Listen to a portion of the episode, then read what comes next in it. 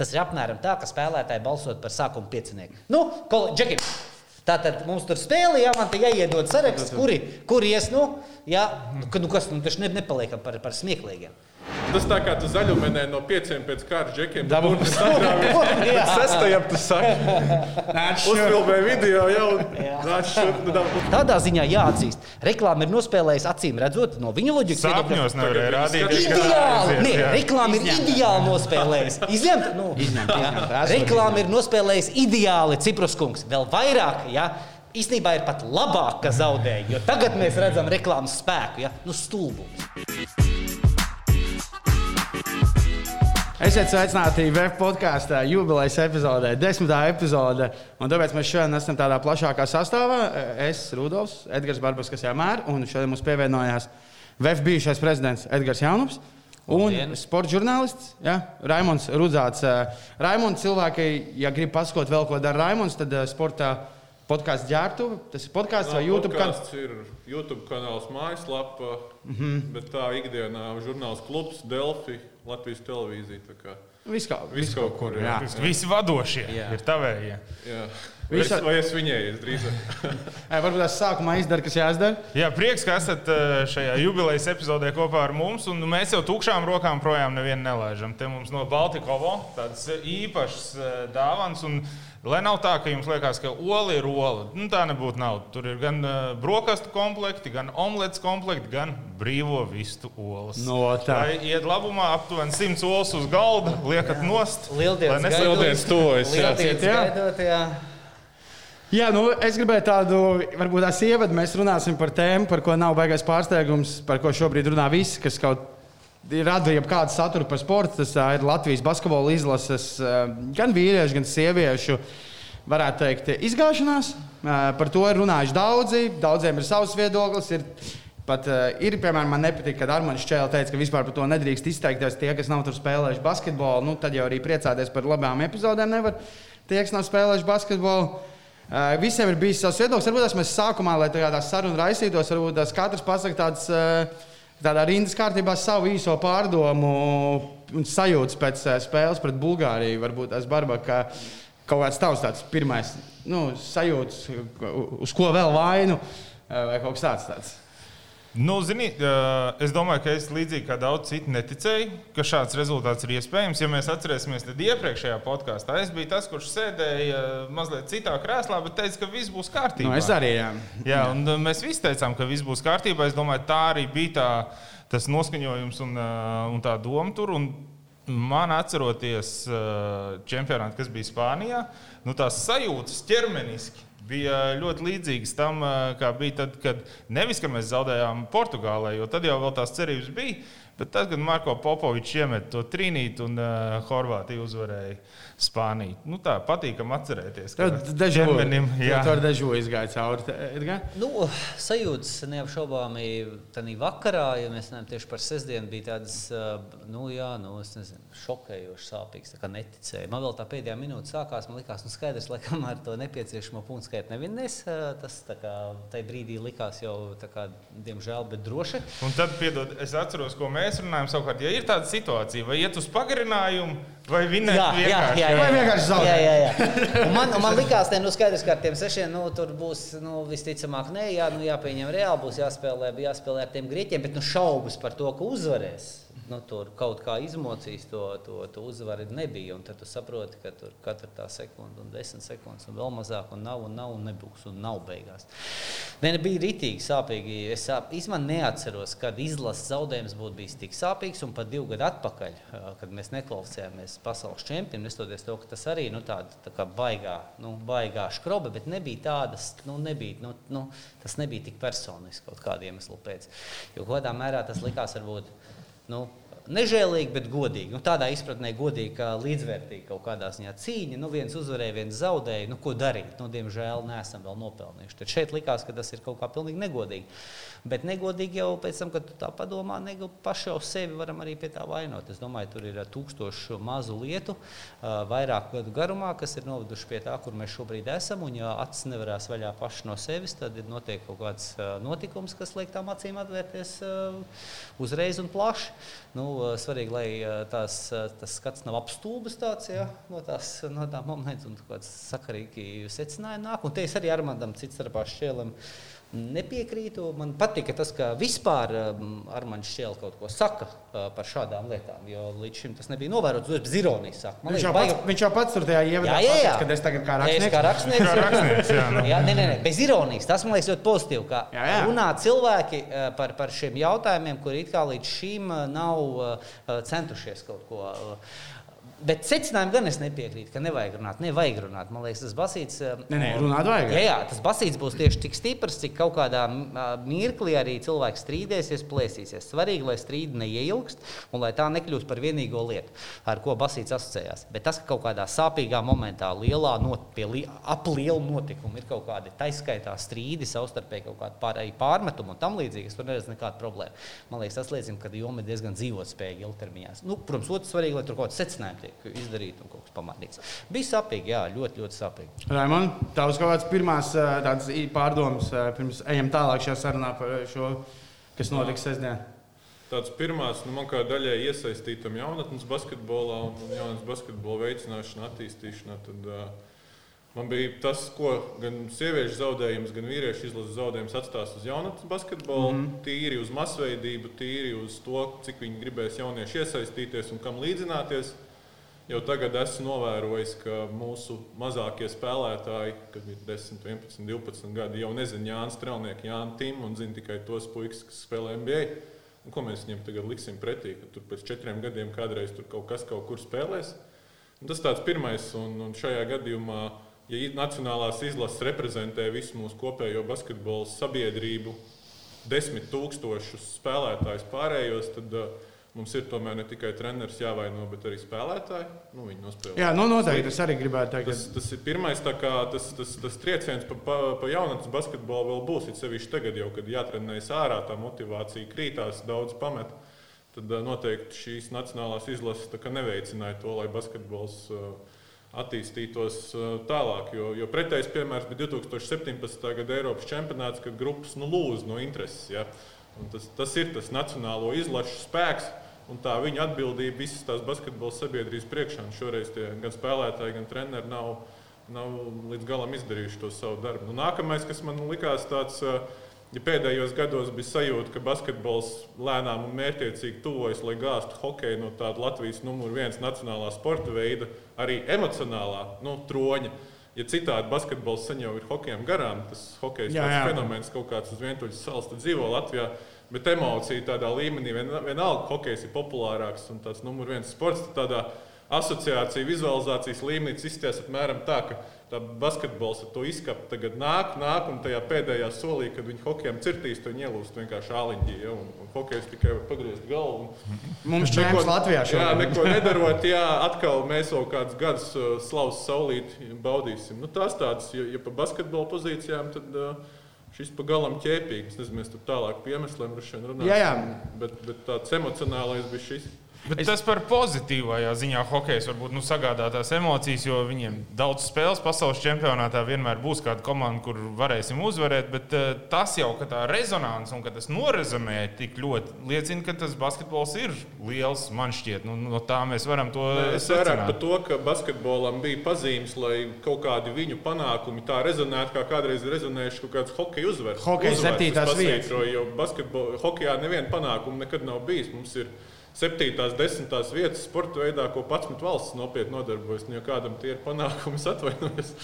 Jā, nu, tur ir un, es, un basketbols, ja, ja reāls panākums un cēlmetāls kādā brīdī galdā būtu uzlicis, ko šī paudze tiešām varēja izdarīt, eh, es domāju, ka basketbols kļūtu par nacionālo sporta veidu pēc visiem parametriem un kritērijiem. Tagad pēc daļas tikai viņa. Nu, man jābēdina, bet pēc viena parametra nekas neliecina, ka viņi kļūtu, manuprāt, un tas, eh, un tas ir hokeja fenomens. Ja mēs vispār šeit runājam tādā griezumā, nu, būsim godīgi, viens no iemesliem, kāpēc hokejs rezonē skaļāk nekā basketbols, ir, ā, to, ir tas, kā basketbolu neskatās krievi, Latvijas krievlodīgie. Neseko līdzi īpaši tikai tā, cits starpā savukārt hokejam, protams, ka Latvijas krievlodīgie seko līdzi. Un tas ā, rezonansē, nu, plus vēl ceturdaļa sabiedrības, jā, 25% izteikti pieslēdz. Tāpēc arī tā rezonance, tā kritiskā masa, tā kaut kāda jauda ap to maiju, aprīli ir tāda. Bet uh, kopumā piekrītu. Kopumā jā, izmanto tīma kā vēstneši šajā gadījumā. Nē, nu, tā, jā, jā, jā, jā, pirmie soli spēr, spērtī. Pašišķīkam tomēr līdz galam ir jāsaprot, jā, ka, ka viņš ir tomēr arī nu, nekāds tīrasiņu latvietis. Jā, ir, teiksim tā, virziens ir uzņemts. Bet es domāju, tas ir baigais moments. Un, tā kā mēs lietojam vārdu nacionālais sporta veids, jāsaprot, ko mēs ar to saprotam. Mēs runājam nacionālais kā latviešu, tad basketbols tāds ir. Uh, tieši gan līdzvērtīgi ar hokeju. Tur abi stāv līdzvērtīgi. Bet tā, arī vēsturiskā tādā. Arī, bet tā kā tam hokejam pienāk klāt tie krievlodīgie, tad viņi dabiski viņš ir garām. Un te es gan domāju, ka neviena medaļa īstermiņā neko nemainīt, bet es piekrītu, tas būtu tuvāk, tas būtu tuvāk, tas būtu tuvāk. Un, un, uh, Uh, tagad kādu laiku, kā sacīt, hoģis tiešām pastīties. Košs neko nedarot. Jā, kolēģi jā. ledus ir paslīdējuši. Tas, ko es gribēju teikt, kāpēc man liekas, es piekrītu Edgaram, kāpēc man šis zaudējums likās sāpīgāks. Es arī nu, sakoju Basītam, nu, izlasēju kopš 2000. gada sākuma. Arī kāpēc likās sāpīgāks, kā tur netikšana ārā no grupas, tur Melnkalnē zaudējums. Tāpēc, ka, Ja, piemēram, zaudējums Melnkalnē, tā bija kvalifikācijas pasaules čempionāta, un pasaules čempionātā mēs nekad neesam bijuši, un tie jau vienkārši būtu bijuši tādi milzīgi svētki, ja mēs esam pasaules čempionātā. Nu, tad Eiropas čempionāts tādai valstī kā Latvijai, nu, pēdējos gados tā ir jābūt tādai, nu, tā kā tas ir standarts, nu, kā, tur netikt. Ja, tu, ja jau tu nu, izgāzies Eiropas čempionātā, nu, labi, nu, nesakā, bet mēs bijām tur tajā Eiropas čempionātā, tad zaudējums šajā kvalifikācijā, nu, tas ir tāds tā kā krietni, nu, nu, ļoti zem. Jā, viņi zaudēja nevis, nu, es saku, Baidzēja būt no četrām komandām trešajā. Un, nu, tiešām nu, tās komandas tur nebija. Arī pat, pat ne Melnkalna, kas starp citu arī nespēlēs Eiropas čempionātā, mūsu pasaules čempionāta kvalifikācijas pārdarītāji. Bet pirms mēs ejam pirms tiem miljonus. Uh, Citiem iemesliem, ko mēs varam parunāt par uh, basketbola saimnu vadību, vispār jau varbūt tās arī vēl bišķi. Mēs neesam neviens profesionāls basketbols, bet uh, kaut kur tuvu stāvoši kādā brīdī dzīvē basketbolam. Tieši par pašu spēli, kas jums katram bija varbūt tās, tās lietas, kas. Uh, Nu, ko jums likās kā divām ekspertam spēles laikā? Kad, on, kāpēc šis notiek, kāpēc tā dara? Tādas lietas, kas nāk pirmās prātā. Nu, par man, līderu atstāšanu malā. Nu man pirmā prātā nāk tās spēlētāju rotācijas un vispār lēmums ar tik daudziem spēlētājiem spēlēt atbildīgu spēli. Nu, to it kā Štelmachers skaidroja, ka gribēja paskatīties, kam aiziet, kam nē. Kurš iespēlējas, bet nu, tas arī, man liekas, lielā mērā traucē iespēlēties nu, tiem spēlētājiem. Nu, jā, Tu neiespēlējies minūtē. Un, un otrais par pa līderu atstāšanu malā. Nu, nu, tas ir tas, mēs jau aizkadrā pārunājām no tādas NBA pieredzes, kad uh, līderi tie, kas uzņems parasti atbildību par, par rezultātu. Un, un kā Čārlis Bārklīs vienmēr teica, neviens taču nepār, nepārmet Cedrikam Sebālusam, ka Phoenix Suns nebija čempioni. Visi piemin to Bārkliem. Labi, mums šajā izlasē nav tik spilgta figūra, un, un tas ir bijis cits žanrs. Bet, nu, ja mēs to Jānu Timu un Dairu Bertānu pasaucam no, no, no tiem himkiem un ļoti lepojamies, ka mēs esam panākuši, ka viņi ierodās, nu, tomēr droši vien, ka viņus varēja izmantot labāk. Lai gan par Dairu arī es, es vakar speciāli paskatījos viņa statistiku visos tādos būt vai nebūt mačos Latvijas izlases uh, vēsturē, kopš viņš ir spēlējis. Nu, ja atskaita Latviju pret Sloveniju Tad viņa tālmetienu procents, sākot no 13. gada spēles ar Beļģiju, turpinot 15. gada visas izslēgšanas spēles Eiropas čempionātā, 16. gads Olimpiskā kvalifikācija pret Puerto Riko, 19. gads pret Melnkalnu un tagad atkal pret Bulgāriju. Nu, ja zem 20%. Tad Dairis nekad nav šajās izšķirošajās spēlēs varējis. Nu, vienmēr tā, tie jau ir astoņi gadi, kad tā notiek. Vienmēr... Tā kā tur, ja Štelmachers šo statistiku zināja, Iespējams, ka, ka tur arī kaut kas ir meklējams, bet citādi. Jā.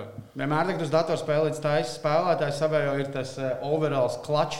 Nu, Dairim laikam izstāsta pēc šiem rezultātiem, ka tas klačs overalls nav. Nu, viņš nav vienīgais, kas paņem to citu spēlētāju, to pašu Jānu Blūmu, tad tie cipari ir tikpat dramatiski. Bet, okay. bet šajā, no šiem, kas, kas šodien bija un kurus mēs tā ilgtermiņā varam pētīt, tādās būt vai nebūt spēlēs, nu, diemžēl tie ir. Katrs var paskatīties viņa tehniskos protokolus. Labi, bet kuram tad ir labi? Radītāji. nu. Cik mums ir medaļa? Bet uh, vēl viena lieta tajā, ok, protams, uh, arī noskatoties spēli, uzreiz liekas, nu, ļoti dīvaini redzēt spēli, kur treneris izmanto 12 spēlētājus. Turklāt šādā spēlē, vai ne? No otras puses, nu, pretinieki izmantoja 11 spēlētājus. Nu, viņiem bija par vienu punktu vairāk beigās. Nu, Tas jau nav nekāds arguments. Nē, nav arguments, bet, bet tajā, ka nu, tu nevari pateikt, ka, rekur, ja tu izmantos tik daudz spēlētājus, tad tu nevari nekādīgi Nē, uzvarēt. Nu. Var izmantot visus 12, ja, ja tas ja tu uzvari. Jā. Jā, jā, nu, redz, jā, vai tas ir sakarīgi? Viņiem tā vairāk Bulgārijā tāda visādi arī labi viens no tiem darba zirgiem. Iemet, Zemnieki. Vie, nu, nē, es negribu teikt, bet nē, nu, tur tāda kapā. Tur vēl trakāk, ka no, no zemniekiem uz darba zirgiem. Viens iemet uh, vienu, nu, kuram vidē spēlē viens punkts, iemet 15 punktus. Bet, uh, Tur savādāk, tāpēc, ka viņiem nebija tādas izteiktas zvaigznes, neskaitot Dībostu un varbūt tās to kā ar Bārdiņu Kostovs, nu, kurš tur ir tāds arī uzspēlējis Eiropas kausos. Tāds. Tad pārējiem viņi tur tādi kapātāji, nav līderi. Un skaidrs, ka tie kapātāji tur duši, duši viņiem vajag vairāk atpūtas. Un Latvijā bija tie, kam varēja dot spēlēt vēl arī 30 minūtes, manuprāt. Nu, ne, Man es vairāk nesapratu, un tas nav tāpēc, ka viņš ir frīks spēlētājs. Es tiešām nesapratu, kāpēc Ata palika. Nu, daudz saka, ka Dārts ir tas, kurš perimetrā būtu varējis kaut kādā brīdī vēl palīdzēt, pazušīt. Es, es domāju, ka Ata vispār kā tāds lielums ir ļoti vajadzīgs jebkuram trenerim pie kaut kādas noteiktas situācijas, kas laukumā var izveidoties, kur var izlaist ar kaut kādu noteiktu uzdevumu, kādam sabojāt garstāvokli, uzsist piezīmi pie tam.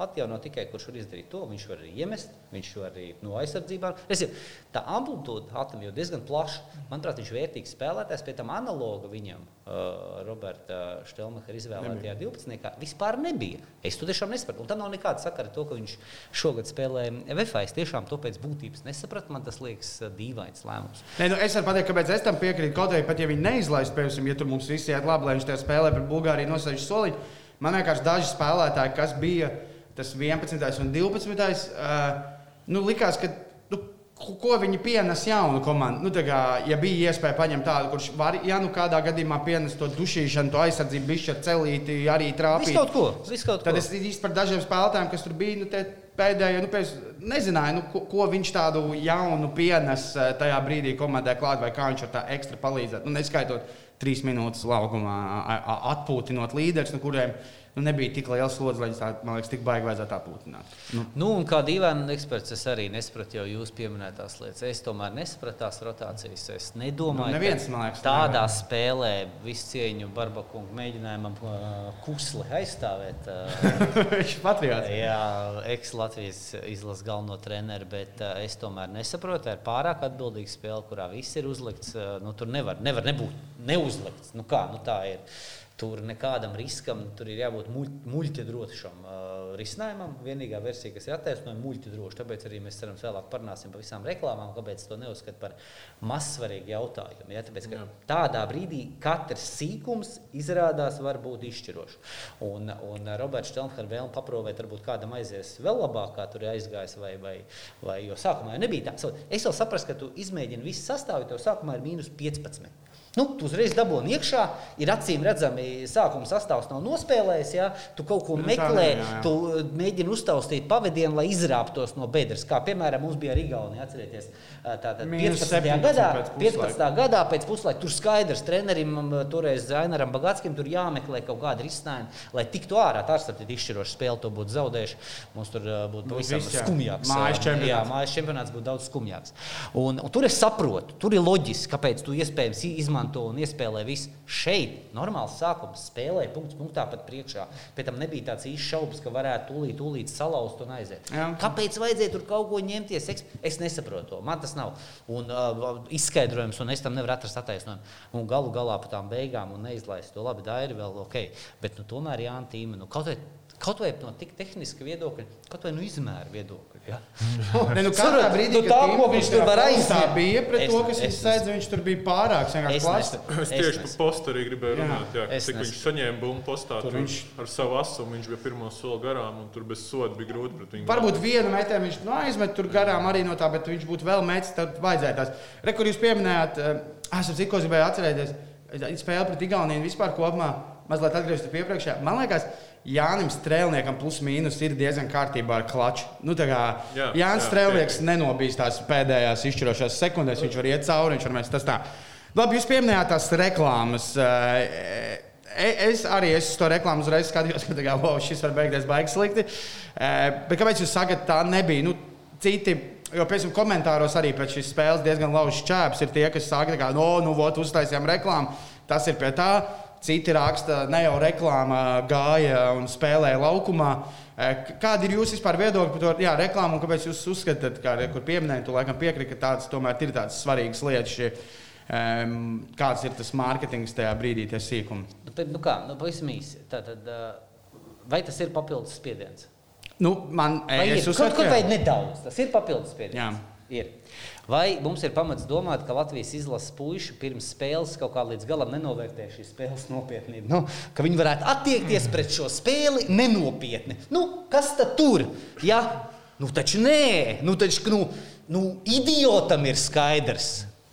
Ka visticamāk, visi tur jau, Nu, kad- ne jau pēc divu nedēļu vecās uh, Latvijas iz, sieviešu izlases spēles tur kaut ko domā. Visiem ir skaidrs, nu, kur, kur vēl. Jā. Kur vēl? Principā pēdējā iespēja, nu labi, tur jāvinnē un pēc tam ar grieķiem, bet principā jāpaņem tagad. Kāda var būt motivācija, izņemot pašmērķīga patīksmināšanās, Kasparam Ciprusam, iemēģinot sevi arī reklāmas speciālistu amplitūdā? Pašmērķīga, tupa paš, paštīksmināšanās. Paskat, arī es māku reklāmas taisīt. Ne tikai Zepsi pirms desmit gadiem, jā, bet arī es māku uztaisīt. Taisnība. To Kaspars pierādīja. Paldies! Jā, Nē, es saprotu, savā ziņā, nu, tādā, ja, mēs, ja viss būtu beidzies tā labi, video kvalitātes. nu, arī ja viss būtu beidzies labi, tā bija nevajadzīga. Nē, nevajadzīga. Absolūti pašmērķīgs risks. Un vēl vienreiz, es jau kolēģiem rakstīju tajā pašā vakarā, kad tā reklāma parādījās. Es, mums tur kaut kāds chatiņš, kā visiem mums kaut kāds chatiņš, kā, jā, kur mēs apspriežam. Basketbola chatiņi. Es rakstīju, teicu, mīļie cilvēki, to var atļauties darīt sportists individuāls pats par sevi. Viņš uzliek visu savu karjeru, visu savu reputāciju kaut kādā ziņā uz spēles un nospēlē. Un es nevaru, un es nevienam nepārmestu, ka viņš to dara normāli. Organizācija, vienalga, klubs, savienība to nedrīkst darīt. Jo tu riskē kaut vai ar nelielu risku, bet kā mēs šoreiz redzējām, ja slots kāds vienreiz izšauja. Jā, šī bija tā Div- reize. Jā, šī bija tā, jā, nu, vairākas reizes mums ir īpaši pieredze ar slodzīm, bet izšauja. Un tad tas ir uz desmit gadu gandrīz. Mēs vēl tagad atceramies to, tagad vai nekad. Nu kā, totāli. Nē, protams, jā, jā, jā. Totāli stulbi un paraugstunda. Mēs tam sakām, tas ir. Tas risks neataisnojās pat, ja nospēlē un uzvar. Tas, neat, tas nav tā vērts. Nav vērts riskēt. Kāpēc uh, profesionāls sportists, basketbolists nebrauks uh, savā, savā nezinu, um, brīvlaikā paslēpot? Pat ja viņš, tāpēc, ka viņš saprot, ka tā potīte viņam ir pamats kaut kā, viņš nebrauks ar motociklu, ja viņš ir ar galvu draudzējās. Tāpēc, ka viņš saprot, ka risks ir par lielu. Nu, tos jau pat laikam šīs lietas, pat man liekas, līgumos. Jau raksta, nu, nepārspīlēsim, mēs te kāds līgums esam dzīvē parakstījuši, motociklus neatrunājam, nestoties to, ka kaut iespējams bija jāatrunā, Nu, bet nepados tām-. Nepados tās, bet normāli tas ir, tāpēc, ka es neriskēšu lieki. Te atnāk ciprus ar vējoni. Jā, saka, kāpēc ne? Paaugstinam likmes. Kas, bet kāda motivācija? Kā jau es teicu, tikai un vienīgi paštīksmināties, pievērst uzmanību, tāds lēts hype. Nu, un dabūj. Tagad ir liels hype. Jā, tādā ziņā jāatzīst. Reklāma ir nospēlējusi acīm redzot no viņa loģikas. Sapņos nevarēja rādīt. Ideāli! Nē, jā. reklāma ir ideāli nospēlējusi. Izņemt, nu, Izņemt, jā. izņemt. Reklāma ir nospēlējusi ideāli Ciprus kungs. Vēl vairāk, ja īstenībā ir pat labāk, ka zaudēja. Jo tagad mēs redzam reklāmas spēku, ja nu, stulbums. Kā tev par to reklāmu?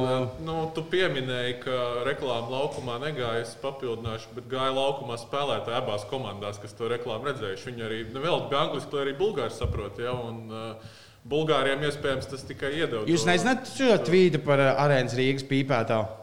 Nē. Nu, pulks, jā, Jā, arēnas Rīgas pīpētājā var satikt uh, Bulgārijas izlases treneris. un Viņam prasīja, nu, vai jūs vispār redzējāt to reklāmu. Viņš teica, jā, jā nu, mēs treniņos viņu uh, paskatījāmies, izmantojām kā motivāciju. Nu, tieši tā. Nu, šī stāstā vienīgais pārsteidzošais ir, ka arēnā Rīga pīpēta. Nē, nu kā, nu, tas tur ir ir citādi, tā. citādi tas viss ir Tur, loģiski. kur iziet ārā par dienas. Tas, kas man. Es, Kur es tērē pabeigšu par cilvēki? Es, es piekrītu Edgars par to vajadzību, jeb nevajadzību precīzāk. Jo, nu, ko mēs arī parādījām, ja mēs uzvaram? Kas, pirms, kas uz spēles bija likts? Sacentās divas vājākās komandas kvalifikācijas grupā pa priekšpēdējo vietu.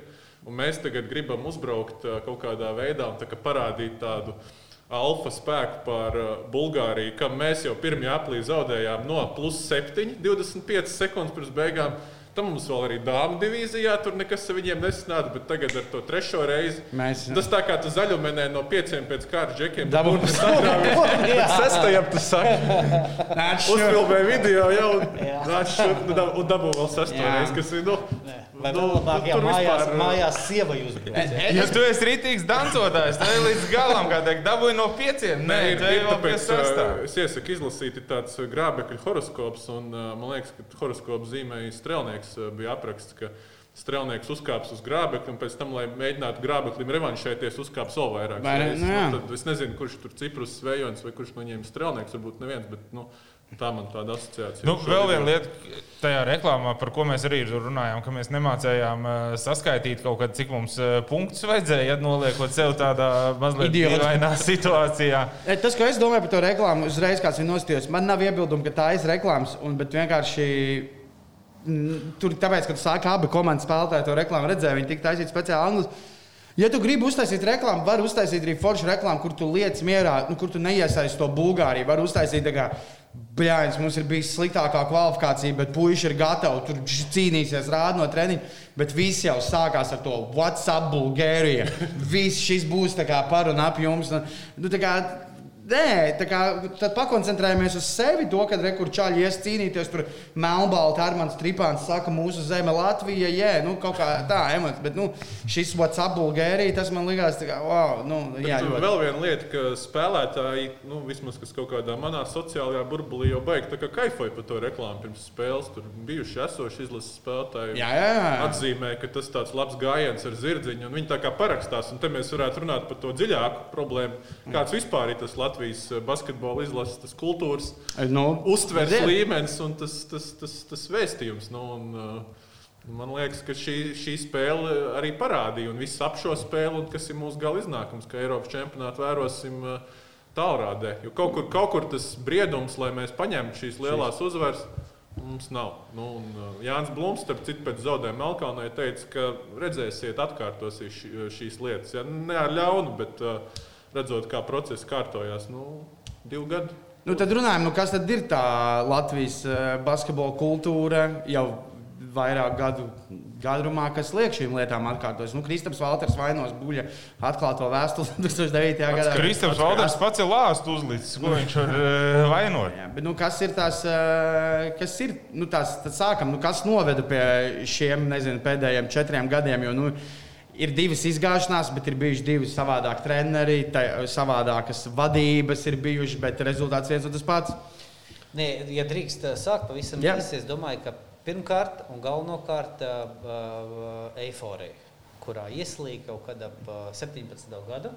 Um, eiforija un, un sajūta, ka mums, mēs jau visu savu esam izcīnījuši, uh, teiksim tā, izdarījuši.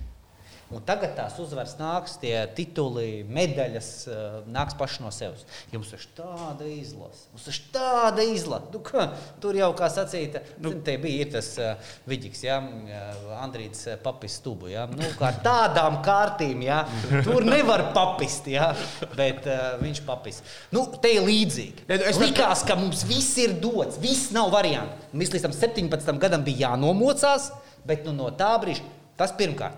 Un šīs lietas sportā jau īpaši atspēlēs. Katru reizi, kad tu nostājies ar tiem pirkstiem, jā, viss nu, ir. Platais Nekad neapiet nav. uzreiz. Saucam to par ezotēriku, saucam to par nav svarīgi. Bet tā tas basketbola sporta dievs kaut kā mēdz rīkoties. Otrs, es domāju, ka līdz ar to arī ļoti vāji lēmumi. Un šeit es varu kaut kādā ziņā arī runāt par sevi. Basketbola savienība, lemjot par treneriem pēc Aināra Bagātska, ir katru reizi pieņēmusi tādu, mm, tādu sliktu kompromisu.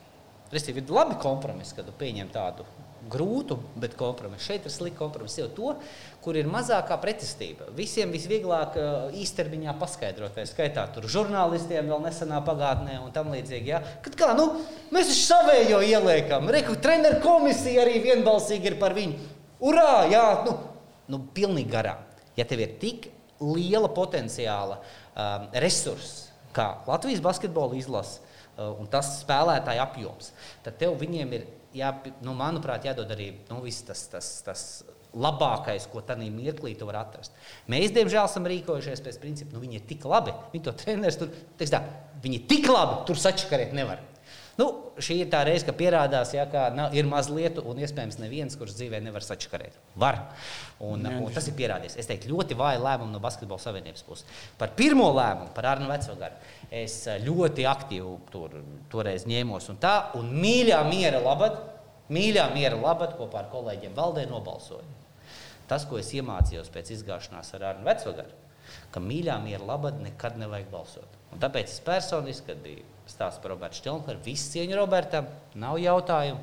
Es uzskatu, ka tādā konkrētajā brīdī bija jāizvēlas cits treneris, un tāpēc Saprotu, tas ir bezcerīgs stāsts, jo nu, bija acīm redzams vairākums ar, ar šnepa virzīti un, un kopīgi, kā sacīt, aizstāvēt Robertu Štelmacheru. Es tiešām izvēlējos balsot pret tā iemesla pēc, ka es iemācījos pēc gadījuma ar Arnu Vecagaru, vienkārši, ka nevajag mīļā miera labāk balsot.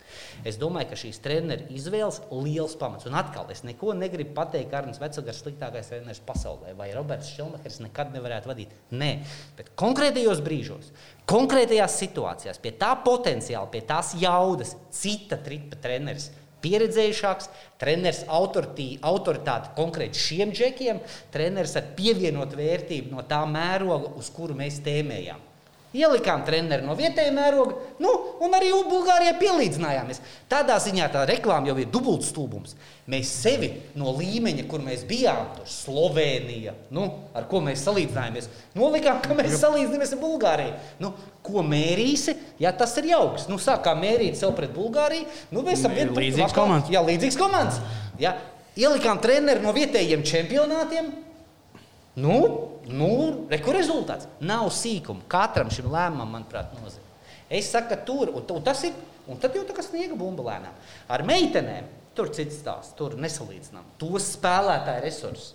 Tas vienkārši nav salīdzināms stāsts. Nu, meitenēm es gribētu piekrist. Fundamentāli ka... nav salīdzināms stāsts. Tas, ko meitenes izdarīja ar Vācijas spēlē, tur vispār kauns būtu kādam te kaut ko pakritīt. Ne, nu, vienīgais jāatcerās eh, par to Vācijas spēli, jāatcerās, ka Vācijas meitenes, eh, dāmas, sievietes, nezinu kā pareizi, spēlēja bez četrām līderēm. Un paņemam Latvijas šobrīd. Bulgārijā uh, es gribu atgādināt, vispār nav līdera. Nē, nu bija Dimitris. Nu, nu, labi, labi. Nu, Dimitris Bostovs. jā. jā, jā, pat tu par šīm treneru izvēlēm arī, nu, laikam, neviena es, nav. Es par tiem uh, cēloņiem es piekrītu tam par to eifóriju. Man pat liekas, ka tas eifórijas gads bija gadu vēlāk, 18. jo tad bija tā, ka ka mēs vēl atcerējāmies mūsu Eiropas čempionātu večiem, cerīgo un tāpat tās veiksmīgo. Mums visas jauniešu izlases, gan puišiem, gan meitenēm, to gadu bija augstākajā divīzijā. Un no 19 puiši un meitenes abi vēl uz pasauli gāja. Un mums vēl bija kurts paudzei medaļa un man liekas, divas medaļas jauniešu čempionātā. No tad gan. Un, un no tādām pozīcijām raugoties, var kaut kādā mērā attaisnot, ka tā eifórija, eifórija bija. Bet par, ar ko šis cikls? Nekas tāds arī, jebkurš treneris būtu izrullējis mūsu labāko sastāvu līdz vismaz Eiropas čempionāta fināla turnīram. Šis cikls jau parādīja mūsu tādu otrā ešalonu basketbola spēku. Lielā mērā, cik mums ir labi spēlētāju klubu līmenī, cik mums vispār pēdējos desmit gados klubi ir eh, izdzīvojuši Latvijā viens un Ventspīlī otrs. Ja? Un, okay, un, savu naudu. Jā, un, un viss. Ja? Un, un tādu Latvijas basketbola dziļumu principā atceļ šī kvalifikācijas sistēma, ko es vēlreiz uzsvēršu.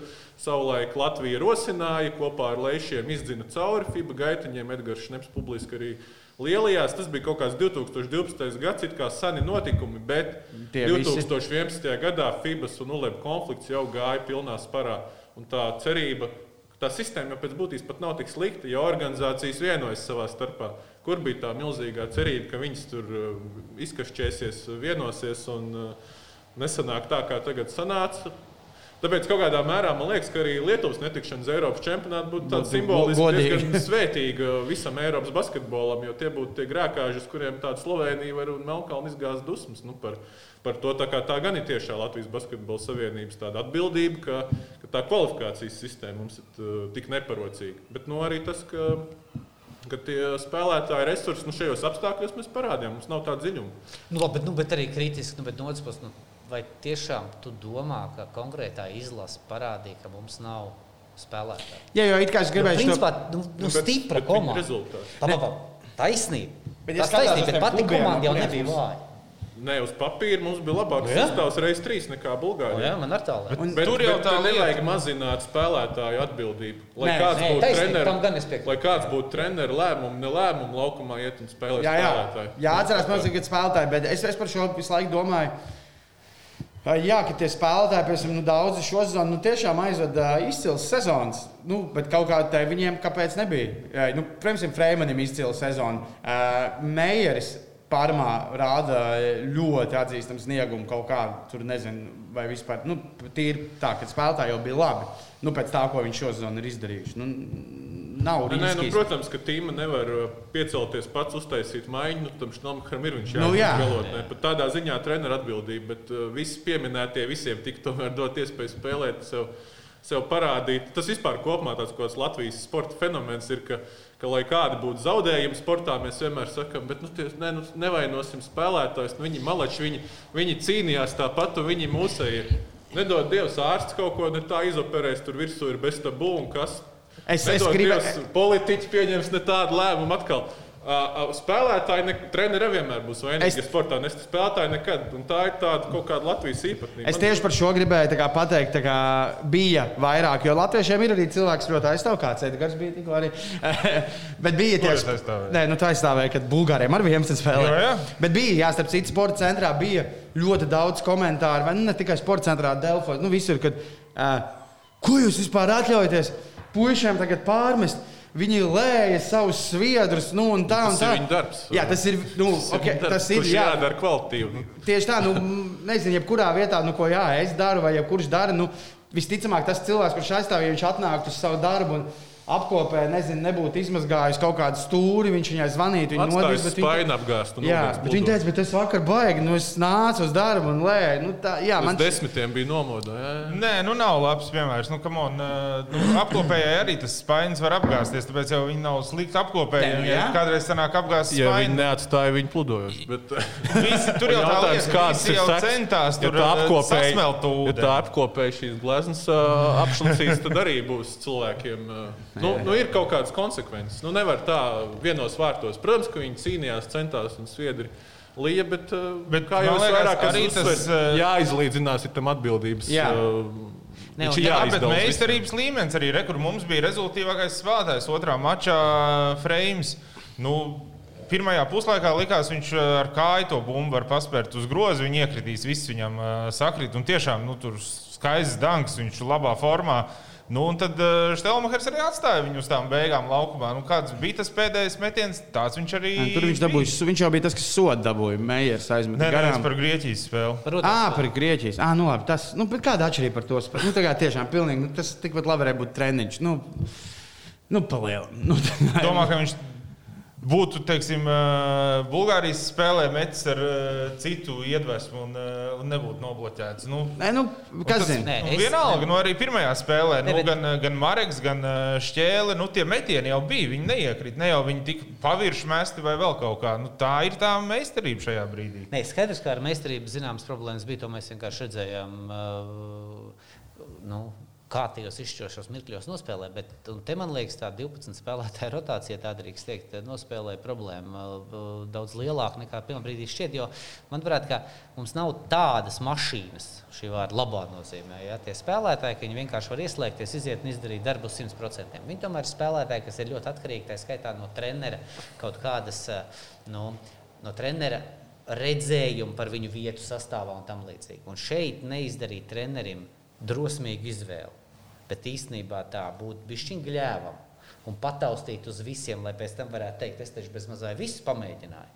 Manuprāt, nospēlēja lielu. Es domāju, nu. ka tie spēlētāji nejūta savu lomu komandā. Un cits starpā varbūt galu, un ne tikai šai spēlē, bet arī pirms tam jau īstenībā. Un varbūt kaut kādā ziņā arī tā beigās tā Tims, un es šeit negribu pārmest Timam un uh, Bartānam, ka viņi atlidoja.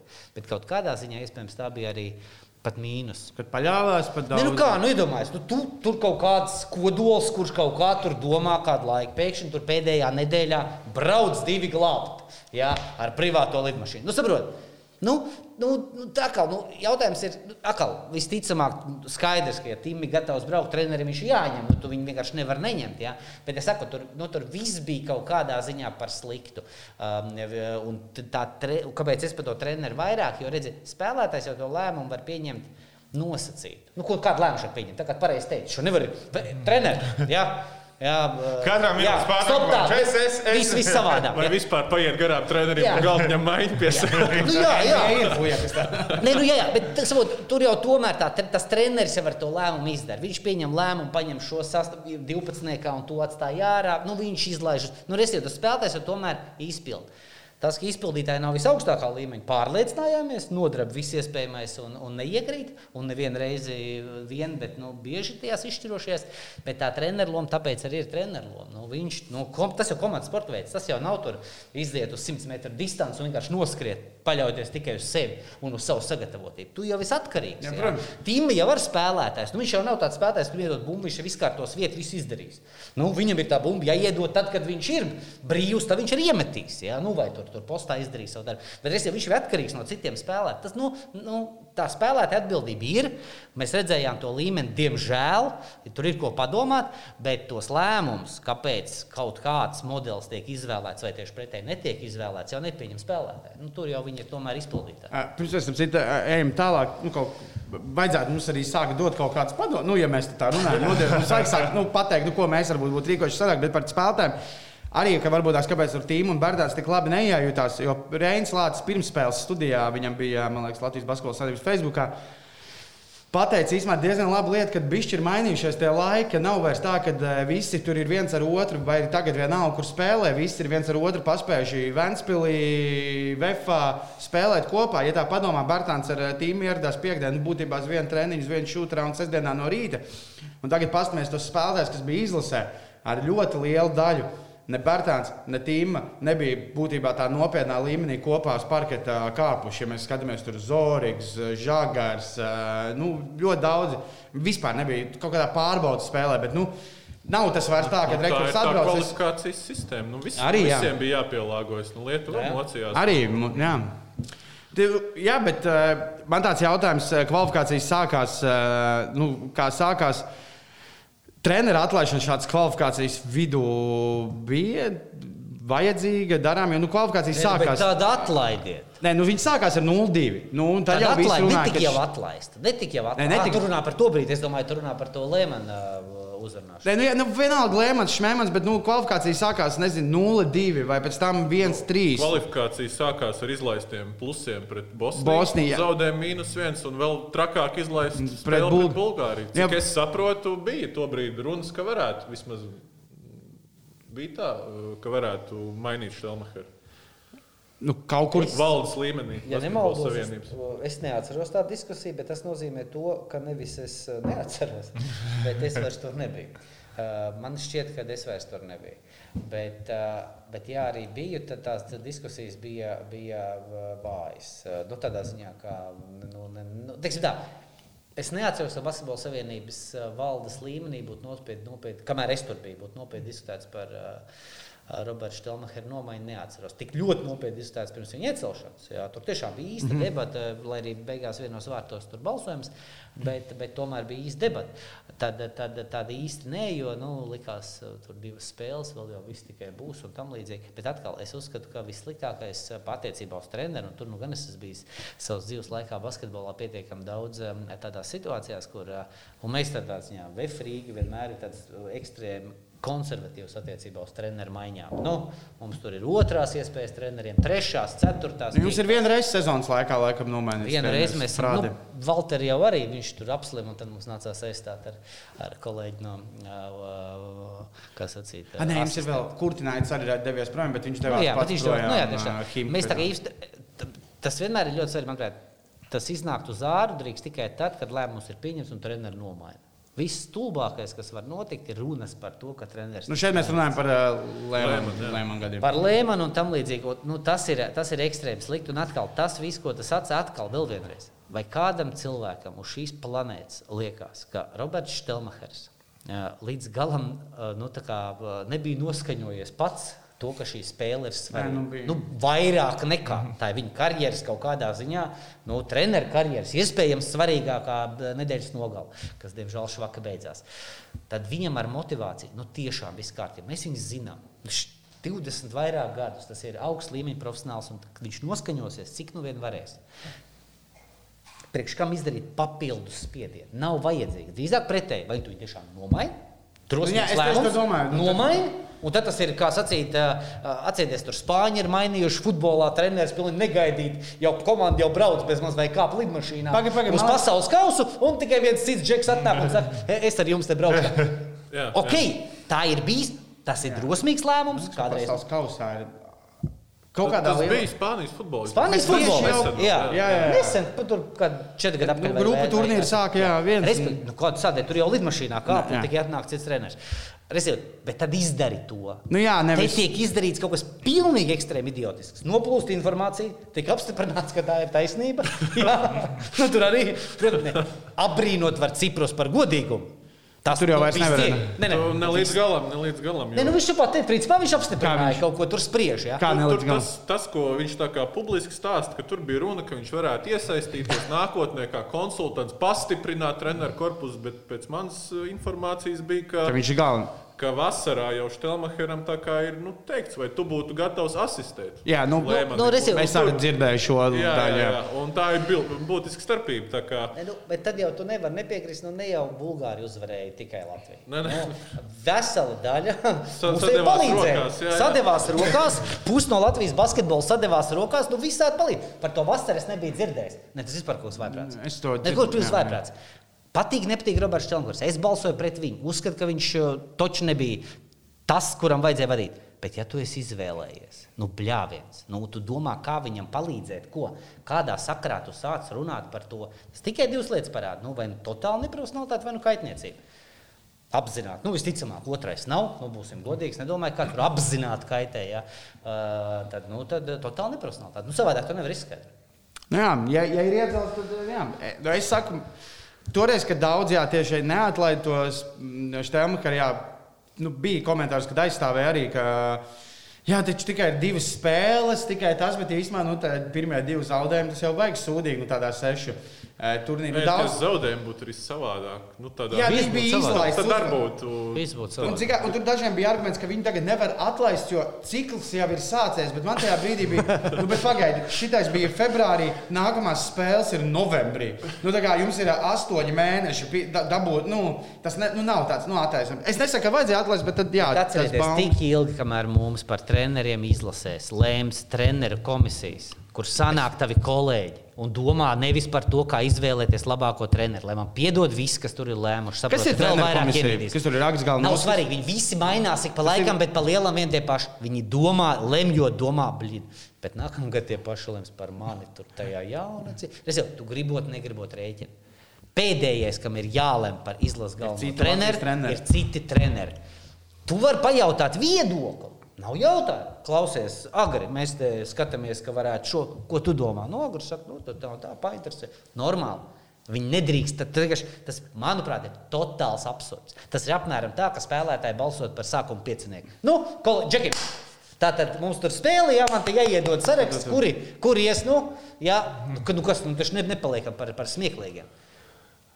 Tas vienkārši ir, manuprāt, neprofesionāli. Un mums tā neprofesionāli teikt pasniegt kā profesionāli iesaist. Ir kaut kāds Valdē taču nav liet- basketbola. Mēs baidamies pieņemt arī nepopulārus lēmumus. Nu, tas Mums droši- ir un baigais drosmīgs lēmēju lēmums. lokus, jo tas ir jau vispār Liels tāds? Nu, tā. Latvijas tāda sporta īpatnība arī, kad mēs dalām naudu vispār, nu, valsts līdzekļus, tur Olimpiskajai komitejai, Sporta federācijai padomē. Tad tagad gribam noteikt prioritāros sporta veidus, kam tad valsts prasa. Tiem pašiem, kas to naudu saņems. Jā. Nu, tas Nu, ir. jā. Nu, Varbūt tu nesaņemsi vairs.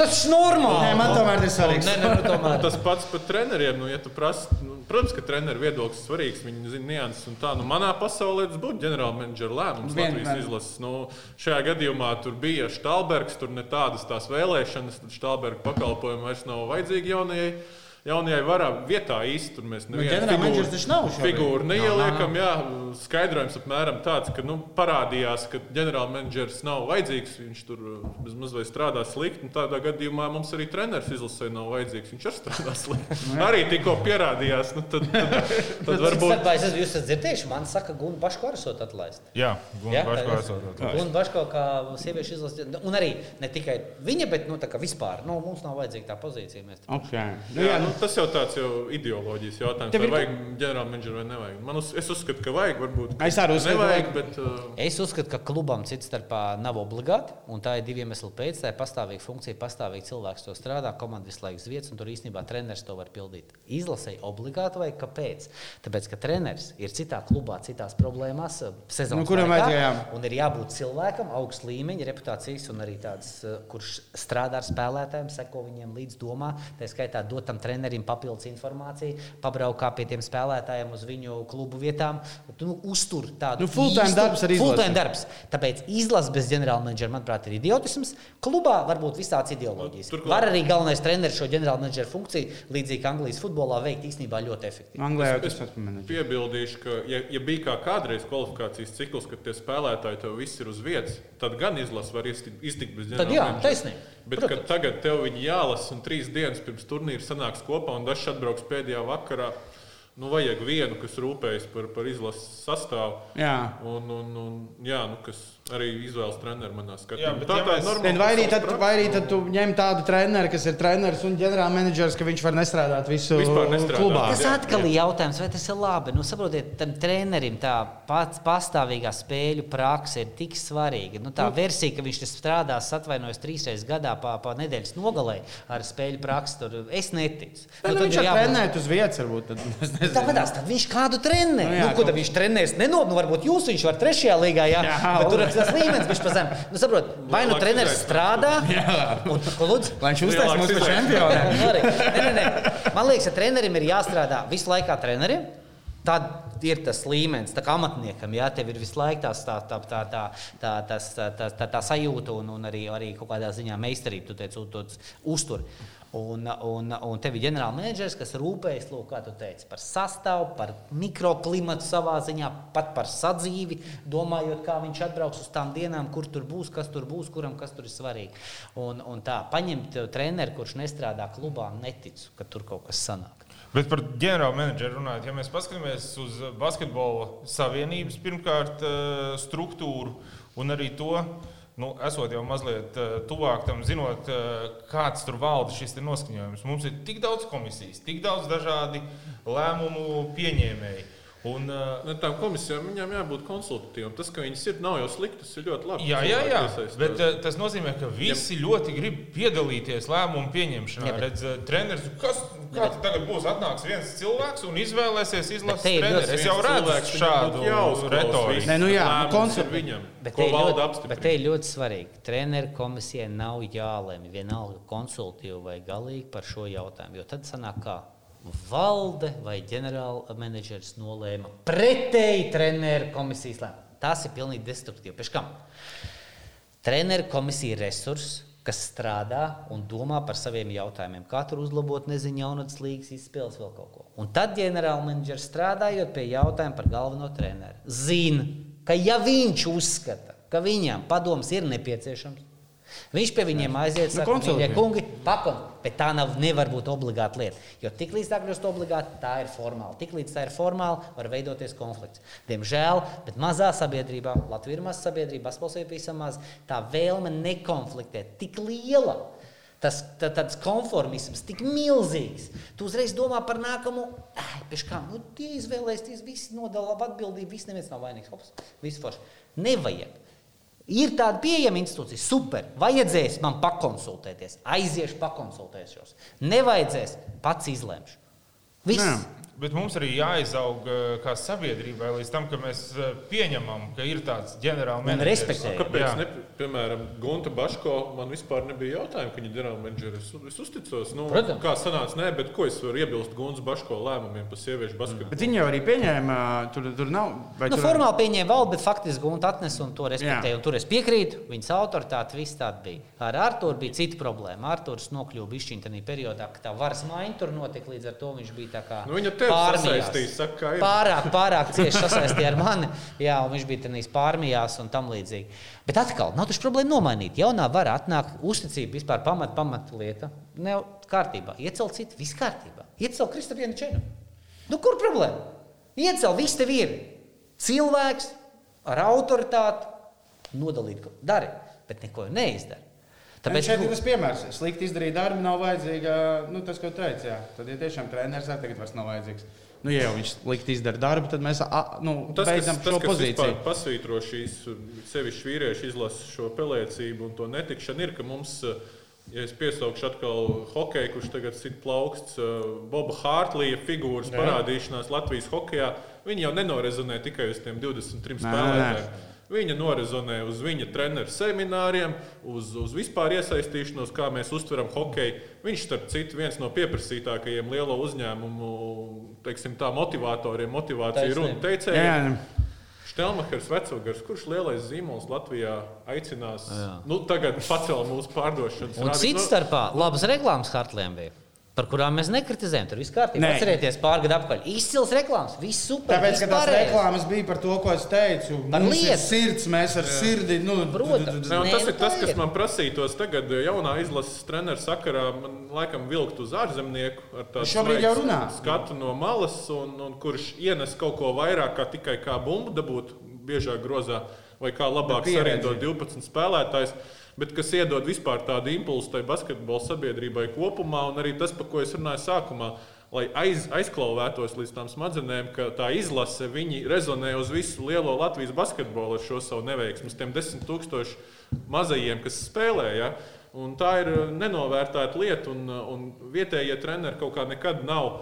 Tāds veiksmīgākais piemērs varbūt ir Ainārs Bagats, kuram tā personība bija pietiekami koša. Viņš tur mēģināja kaut kādas tur arī tur netradicionālas tur saliedēšanās Lika pa oglēm staigāt kopā. Jā, jā piesaistīja tur Martinsonu, kas tur arī savu rokrakstu atstāja tajā komandā. Un, un, un tas, bet pēdējie divi treneri, nu, viņi bija tādi Nu, no basket- 9 līdz 5 strādātāji. Jā, basketbolā labā, visi cieņi. Iespējams, labākie no vietējiem, kas, kas arī varēja tikt izvēlēti. Bet uh, man te bija saruna ar vienu basketbolu cilvēku, kurš teica, nu, ne vecogars, ne štelmahers. Viņi, Viņus apstiprinot, nu, neraisīja tādu, nu, jā, nu, protams, kurš tad ir cits parasti. Pēc viņu vārdiem, ja, ja apstiprina treneru, nu, normāli vajadzētu būt, nu, jā, ka visa sabiedrība noelšās. Nu, jā, nu, nu, protams, nu, kurš gan cits, ja ne viņš, nu, kurš gan cits, ja ne Gunta Baško kā ģenerālmenedžers. Ja. Nu, par šiem diviem tā kā, tā kā nebija tas. tā Kā, Nu, mums to- gan jāsaprot, ka tas ģenerālmenedžera amats jau arī ir faktiski tad, uh, ir, nu, tikpat svarīgs kā treneru amats. Un tur uh, Nē, tie nu, šķēpi tiks lausti. Es, es, to, tikpat. es to redzētu, ka viņš nolīgs treneru. Nu, kā Jā. Stalbergs arī. Viņš ir priekšnieks. un mazliet, Arī, nu, jā. Jā, jā, bet nu, tajā arī tajā Nē, štātē, te, pa, pa, pa, kur- te jābūt godīgiem. Arthurs Stalbergs nenolīga Roberts Štelmacheru. Arthurs Stalbergs atnāk, tad Latvijas Basketbola Savienībā ir sistēma, ka lēmumu par treneri pieņem valde. Nu, apstiprina, jā. Apst jā, es ļoti labi atceros to situāciju. Arthurs Stalbergs nepārprotami teica, ka jāņem ir ārzemnieks. Sākumā jā, pēc tam tā otra alternatīva. Mēs... Kas vēl bija bez trinka? Mēs zinām, nē, Turks, nē, nē, nē, Messina. A, Turks tas, kas tagad? Uh, es aizmirsu. Man, nu, tā, tā bija otra versija. Un tad drīzāk Basketbola savienības uh, valdes uh, vairākuma un arī tāds kaut kāds, es gribu teikt, arī plašāks sabiedrības spiediens. Jā, bija tas, ka uh, tomēr Latvijas un tam līdzīgi, un Roberts. Un taču toreiz Robertam bija labs sezons, man liekas, tur bija. Ventspilī, jā. Viņš bija Vēfuvīnais. Nu, Vēns, viņš divreiz arī ar Valmieru savā. Nu, Nu, Viņam bija labs sezons, viņš bija Vēfuvīnais. Jā, un, un, uh, un, um, uh, tā kā tu tas būtu melots.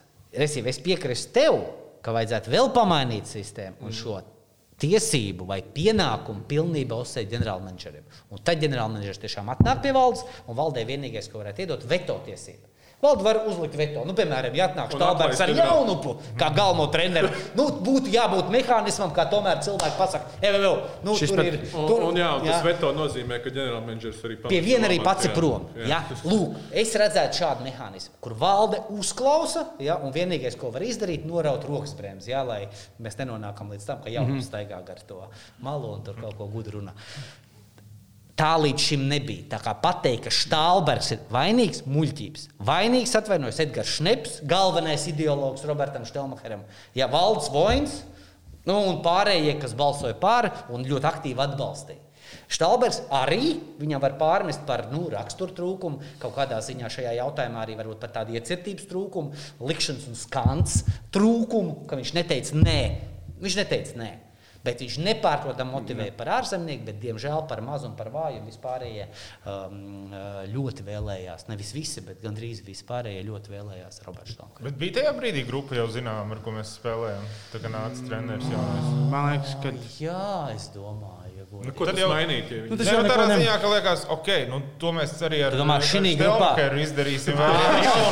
Uz šo grupu skatoties, viņi varētu teikt, bre, bet te jauns varētu tā, man liekas, vienīgi var Ar atļauties domāt grupu? Amerikas izlasē Ar šo? kaut kādos FIBA Amerikas turnīros. Tu domā, ka man bija iespēja būt grupas zināmā? Nē, bet uh, kopumā jā, mums vajadzētu tiekties uz to, ka mēs vēl nopietnāk un vēl plašāk meklējam tās īpašības tajos treneros, ar plašāku pielietojumu nekā tas ir tikai vadīt šo, šo komandu. Jo, jo vispār jau tas basketbols, arī mūsu nekvalificēšanās, viņa nu, parāda, ka viņš ir attīstījies. Ja tur 90. gados Krauliņš tur pēc kaut kāda kaunpilna zaudējuma teica, ka tagad viss māk spēlēt. Pa viņu smējās, ja, jo tur varbūt tur daži vēl piesildoties spārdīju bumbu kājām grozā. Tad, nu jau gan. Nu, jau gan arī ir, ka Bulgāri māca spēlēt, un, un visi māca spēlēt. Un, un tā evolūcija jau kaut vai mēs savulaik uz Eiropas čempionātu esam kvalificējušies, kad uh, bija tāds kāzus tur 90. gados, kad Latvijas izlasē vienlaicīgi bija pieci galvenie treneri. Jo tur nevarēja vienoties, un tad beigās pieci top LBL ko- komandu galvenie Jā. treneri. Nu, tad viņi visi pieci pat tur atrast ir vecos. komisija. Jā, Visi var atrast treneri- tos vecos, vecos kadrus no Rīgas uh, sporta pilsētas, kad uh, tiešām pieci treneri stāv ap soliņu. un Viņi tur tagad diskutē. Tā kā NBA, zina, ka tur Jā, jā, bet viss ir galvenie. Tur neviens nav galvenais par citiem. tas ir variants. Un nu, tagad mēs kā uz humoru skatāmies, bet arī tā izlase tika uz Eiropas čempionātu. Jā, bet tas tik pierāda nevis, ka mums vajadzētu mazo jā, čempionātu, nu, jā, uz 16 mazajām. komandu. Tas pierāda nevis to, ka mums vajadzētu atkal piecus galvenos trenerus, bet to, ka tas basketbols ir ļoti audzis, attīstījies, un mums arī ir jāprasa vairāk no treneru institūcijas. Nu, nu tā. Tie, kas tagad ir izskanējuši, tie ārzemnieku vārdi, tie ir tādi ļoti, tas ir tāds reāli, nu, it kā jau runā daudz par, par ko tas ir, par Horvātiju, ja? Kāds uzvārds? Tabaks. Jā. Tabaks un, ē, tie tādi, tas ir tāds Un. Erdogans. Jā. Tās ir tādas, nu, ka tas tūņi varētu tikt apstiprināts, vai tās ir vēl tikai tāds, ka mēs gribētu šos cilvēkus. Vai tur atkal galvenais Grūti jau, grūti, man jau paliek grūti noticēt Ciprus kungu tiem publiskajiem mm -hmm. visiem vēstījumiem par to pašu lēmani, ka tur nu, tagad tā kā apstājies, ja tā kā vispār WhatsApp esam sarakstījušies, cik vispār nopietnas tās runas ir bijušas. Mm -hmm. Bet tur time zone visu laiku ir nu, laiks zonas es atšķirīgs. Jā, ir bet Var jau grūti. sazvanīties arī Zoomā. Un, nē, man ir saka, man ir Un grūti izvērtēt. jāfilmē, laika nebija. Jā, grū- grūti ir iz- izvērtēt, tiešām nu, vairs vispār? dēļ, cik, cik viņam var uzticēties par tādiem nu, viņu izteikumu svaram. Nu, man grūti komentēt.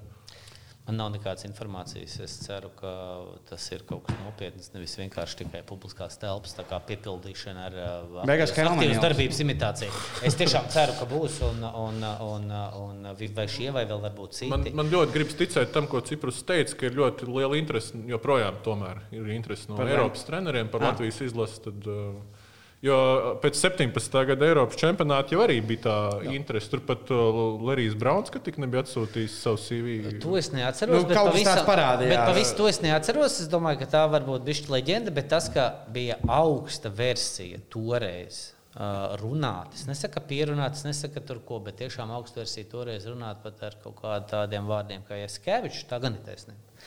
Jā, jo tur tiešām bija tā situācija, ka mēs bijām karsti, interesanti. Jā, un, un, un, Nu, uzskatījām un- jau īsumā paši, ka mēs esam nevis Eiropas piektā vieta, bet Eiropas otrā vieta, jo mēs zaudējām nākamajam čempionam. Nu, tā, tā, tā. Jā, jā, jā un, un tas bija toreiz tāds, ā, tas bija to, toreiz tāds, nē, nē, tu runā par kuru? Tu runā par 17. Jā, jā. Sakrīt. Jā, pareizi. Jā, sakrīt tas. Jā, jā, un, un, un es arī pa 15. atceros, tad arī bija ļoti līdzīgi. Tad jau sākās tas lielais mm. eifórijas gājiens toreiz pēc uh, zaudējuma frančiem. Tā kā, tā kā tur tā interese tiešām toreiz bija pietiekami liela. Bet nu kā, nu, tur jau no otras ir tās jau ir tās kopuma nenormālā uh, otra uh, sadaļa. Vai! Ak, tie jau daudz naudas gribēs. Jā. Tad būs jāstrādā kādam, jāmeklē tā nauda. Jā. Jo, nu, kā nu, tu pieminēji, jā, Bob Hartley. Nu, brīnišķīgi. Jā. Cepās jau par to arī. Tā nav sūds, ka cepās. Tur ir cilvēki, kas saprot, ka tas ir vajadzīgs, atrod naudu un samaksā viņam tos 200, 300 tūkstoši. Es nezinu, cik, bet es pieņemu mīnus, tik. jā. Plus mīnus tik. Nu, jūs ziniet vispār priekšstats, uh, kāds ir Latvijas izlases galvenā trenera atalgojums? Es zinu, mazliet man ir prieks par sieviešu, un tas laikam nav baigi liels. Vīriešu ir, teiksim tā, mm, uh, akal, mēs nebūsim pārkāpuši neko, es nebūšu pārkāpis neko, ja jau mēs nebūsim neko nosaukuši. Vīrieši, ja tu zini, sievieši, tad vīrieši ir, nu, divi pusreizes lielāks. Tātad smieklīgs. Jā. Tātad smieklīgs. Sarēķina Rudolf. Jā, bet sarēķinu un pēc tam. Jā. Man nav summās, man tas arī pateikts. atskaņo. Tātad, repetīcija, manuprāt, smieklīgs. Ko es to gribu teikt? Ja Basketbola savienība nesāks kustināt pakaļ, meklēt naudu, kas būs simts un vairāk tūkstoši, nopietnam galvenam trenerim, tad labākā gadījumā mēs iegūsim kādu, kuram to vajadzēs, tāpēc ka viņam īstenībā ir sūdīgi šajā mirklī karjerā. Tad versija paņemt kādu, kuram ir sūdīgi. Kādreiz tas var nostrādāt cits starpā. Bet labāk tomēr ir paņemt kādu, kuram viss kārtībā. Ja kādu, kuram viss kārtībā, tad ir jāsaprot, ka par to ir jāmaksā. Nu. Un tad var visu kaut ko papildus, bonus, reklamēt, tu, tur, tur pārdot viņu jau kā, Nu, kā nu, kā nacionālu Hartleyam Tiešām, kā, kā jātrenē. gadījumā. Tur ir liela pievienot vērtību. Ja? Bet ir, tas ir, to ir jāsaprot. Un tur jākustina pakaļ. Bet ja mēs parakstām ar porziņu līgumu, mm, kā porziņu kā seju izlasa. Par tā tik smieklīgām naudām ar, ar, ar pāris zīmoliem. Nu, atkal es tur nevaru runāt, jo tur viss ir konfidencialitātes. Nu, lai jūs saprotiet, nu, basketbola klubā VF par tādu naudu parakstīt līgumi, maksimums, kur parādās, tas ir tajā elektroniskajā stendā uz tām pāris sekundēm.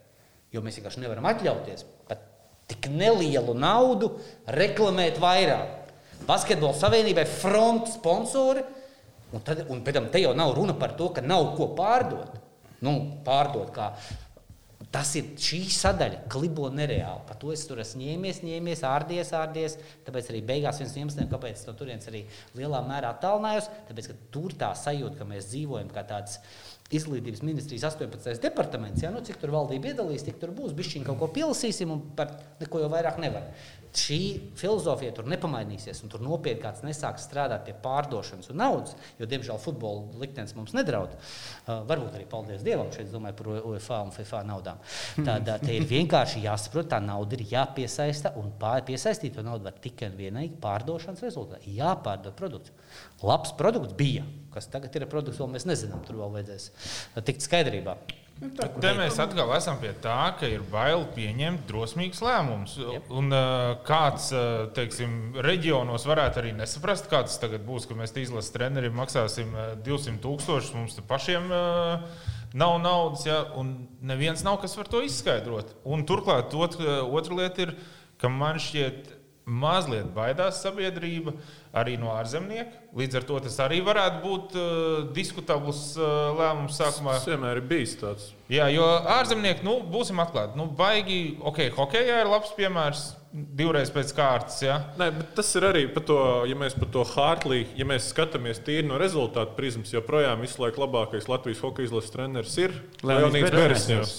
Bet kurš liels zīmols aicinās Leonīdu Beresņevu uzstāties ar motivējošu runu vai vadīt seminārus vai ko tādu? Liepājas metālurgā varēja Jā. varbūt Nē, nu, ir tieši stāsts par to arī pievienoto, pievienoto vērtību. Un, nu, Latvijas basketbola vēsturē tāds varbūt skaļākais bija Kems Zura, kurš, kurš nebija cilvēks problēmās, kad viņš bija mm -hmm. jānolīgst. Viņam bija iespējami arī citi attīstības modeļi karjerai, un pēc tam vēl viņš Lietuvas izlases pasaules kausā trenēja. Bet, bet kopumā, jā, tie ārzemnieki mums Arī medaļu dabūja. Apšaubāma tā vēsture ir bijusi. Tur sākot ar treneru Bārnetu, kas bez vēsts pazuda no turnīra. Un, kurš asistēja Miglniekam un, un tur, turpinot ar kaut kādiem Traikovičiem, Jankoviem, kur ar tā īsti neviens. Vai viņi tur vispār bija vai nebija? Jā. Nesapratu to pievienoto vērtību. Nu, nu, tā baidās basketbola sabiedrība. Nu, kaut kādā mērā jau jā. Nu, var, var Nu, vispār basketbolā varbūt izņemot Butālu, jau tāds uh, ārzemnieka veiksmes stāsts. Ja mēs vispār par Latvijas sportu skatāmies, es, es kā piemēru vienmēr uh, minu futbolu. Izlases- Zodzošs Vilijas teikt, ka tas Nē, ir futbola izlases tikšana uz Eiropas čempionātu. Nu, kā veidojās tas Starkova fenomens? Viņš bija asistents jau no 92. gada Jānim Gilim.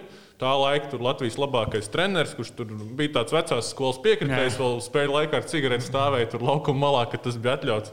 Tad Starkovs bija asistents Džodžos Švillī, pilnīgi cits pieeja, cits, cits mentalitāte, cits kultūra, cits stils, ko Latvijas izlases spēlēja. Tad atnāca Angļu Gerijs Džonsons, atkal Starkovs asistents, nu tad tiem trim izmalāmies cauri. No Aleksandra, tad tu savā pirmajā ciklā, Aleksandrs Starkovs aizved izlasi uz Eiropas čempionātu. Es pieļauju, ja nebūtu visas šīs daudzās pieredzes, tad mēs netrāpītu uz to Starkovu kārtu īstajā brīdī, īstajā laikā. Un iespējams arī, Latvijas basketbolā tie lielākie panākumi kādreiz tiks sasniegti ar vietējo treneru.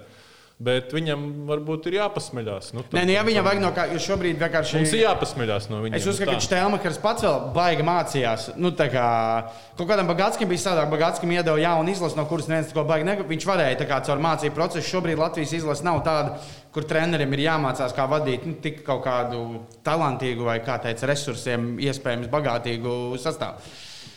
Nu tā, mums ir ar laiku, mēs esam baigi samuldējušies. Es gribēju vēl vienu tēmu, bet tam mums laikam jātiekās citreiz par Latvijas basketbolu līgu uh, parunāt. Es nezinu, kā mēs to vēl. Nav jau.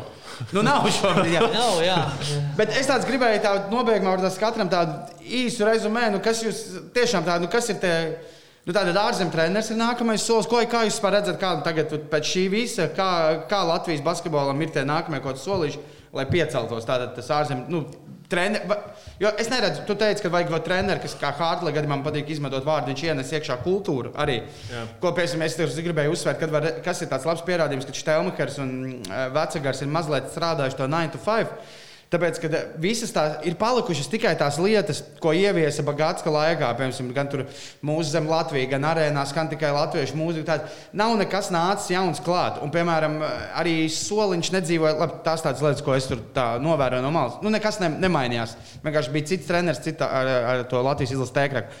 Bet, jā, tātad, eh, jo no latviešiem es neredzu, nu, kurš ir tas treneris, kurš varētu būt tas, ko. Nu, nav tāda latviešu treneru šobrīd, kuru varētu aicināt lielu uzņēmumu, kā motivēt. Nu, Neviens nebūtu tāds, pa kuru basketbola sabiedrība noelstos. Nu, bet, protams, nu, sen bija laiks. kurš viņš? Skaidrs, ka viņš nu, tā, Vai krauliņam tad jābrauc atpakaļ no savas Jā, nu, atpūtas? tur, tur līdzīgi kā Kandavs, Čempionātam aizved un, un astotniekā tikām. Jā. Bet, vai, vai. Nu, jā, tad jauns treneris, kaut kāds, eh, nu, kas vēl ir tie kaut kādi, kas jums nāk, pirmie tādi solīši, lai sāktu palīdzēt tagad Latvijas basketbolam piecelties. Jo, nu, vispār, tā tēma, ko tu minēji par nacionālo čempionātu. Nu, kaut kādā veidā viņu saformēt visiem interesanti un loģiski, lai nav tā, ka LBL divu komandas uh, negrib vispār nevēlas tiekties spēlēt augstāk, jo pret VF un Ventspilu tur uh, atrausies un, un kam to vajag. Nu, nu, tiešām sakārtot šo sacensību sistēmu, tas būtu viens. Un, nu, arī jaunatnes līmenī.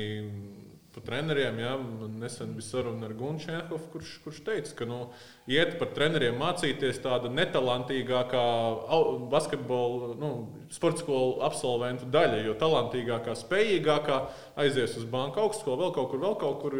Nu, nu, tas jau tāds ļoti dziļa tēma. Ja? Mm -hmm. Bet, ja basketbola savienībai to būtu jādomā, nu, kā viņi var stimulēt, motivēt, lobēt uh, ministru kabineta gaiteņos, vispār sporta pedagoģu atalgojumu tādu. Viss jau sāks no tiem, no tiem jaunatnes treneriem. Tā kā, nu, man tādi trīs vaļi būtu šitie. mhm, Edgar, papildi. Nē, nu, par treneru un izlases piekrīt. Es domāju, tas tomēr šobrīd ir visbūtiskākais jautājums, tāpēc, ka viņš ir nu, degošs, tā ir māja, kas deg. Jo starp citu, augustā ir jāspēlē Viens ir tas, bet arī nu, Nu, tādā nav apziņā, tā. tādā tā emocionāli risināts jautājums ir jāatrisina. Es negribu teikt, ka pašmērķīgi ātri, bet pietiekami ātri. Risināts tur ir jāstrādā katru dienu, lai tiešām tur. Bet tev noteikti jābūt izvēlēm. Un visticamāk, tas ārzemju treneris varētu būt kaut kāds uh, pareizais risinājums uh, šobrīd.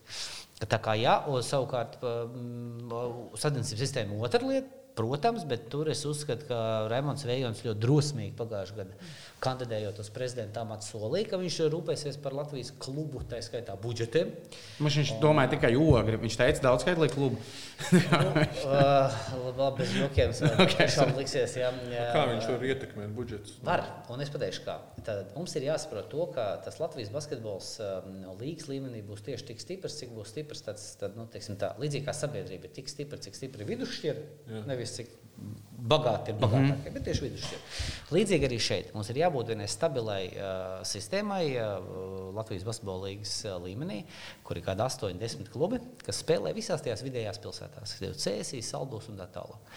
Kā piemērs min vienkārši mm. visās. Nu, tur... nu, kaut kā tās, kas ir basketbola, Jēkabils salds, tas jā, pilnīgi nu, Jelgavā noteikti būtu jābūt. Jau pulcē Jā. tribīnas pilns. Tā- Jā, jā, viens. Un, un kā to panākt? Es domāju, tur Latvijas Basketbola Savienība partnerībā ar kaut kādu valdības pārstāvu un pašvaldību panākt, izlobēt, ka pašvaldības, o tās, kas tiek izvēlētas kaut kāds 10, 12 savos budžetos, parāds 150, 200 tūkstoši stabili, kā starta naudu vietējiem klubam Latvijas Basketbola līgā, un ka tā ir dzelžēna iezīmēta. Un par to v- spējīgs Basketbola Savienības uh, vadītājs mm, panāk uh, vienošanos valdībā par kaut kādiem citiem atbalstiem pašvaldībām, saliek risīt to jautājumu nedaudz tādā ķekarā. Un, un no šiem 150, 200 tūkstošiem veidojas viena, viens bāze, kur pēc tam pievāc kaut ko klāt jau tas, uh, kas organizē to basketbolu no privātā sektora un tam līdzīgi. To var izdarīt tikai basketbola savienība šī brīdī. Jo pretējā gadījumā ir totāla eklektika. Puso pirms gadiem bija stiprs klubs, pirms gada. Stiprs klubs jūrmalā jau ar tradīcijām vienkārši pazuda vienā dienā. Vienkārši vienā dienā pazuda. Nu, tas tas pats notika dienā. Jēkabpilī. Mm -hmm. Jau tur trešās vietas, jau tur kaut kādas ambīcijas. To nedrīkst pie. Lietuvā visi tie klubi sākās ar pirmiem 300-400 tūkstošiem no pašvaldības. Un tikai pēc tam ir viss tas pārējais. Tribīnes, sponsori, vēl, vēl, vēl. Sākās viss ar vienošanos, cietu, un tas nav, tas nav individuāli līmenī. Startam, jā, pēc tam jau veiksmīgs klubs dabūs nevis 150, 200, bet jau 3, pēc tam 300. No, nu, tāpēc, ka pierādīs, ka pašvaldībai ir efekts tam, bet šo bāzi Raimons Vējons, nu, mīļie cilvēki, nu, ar ko viņš ir aprunājies gadu laikā.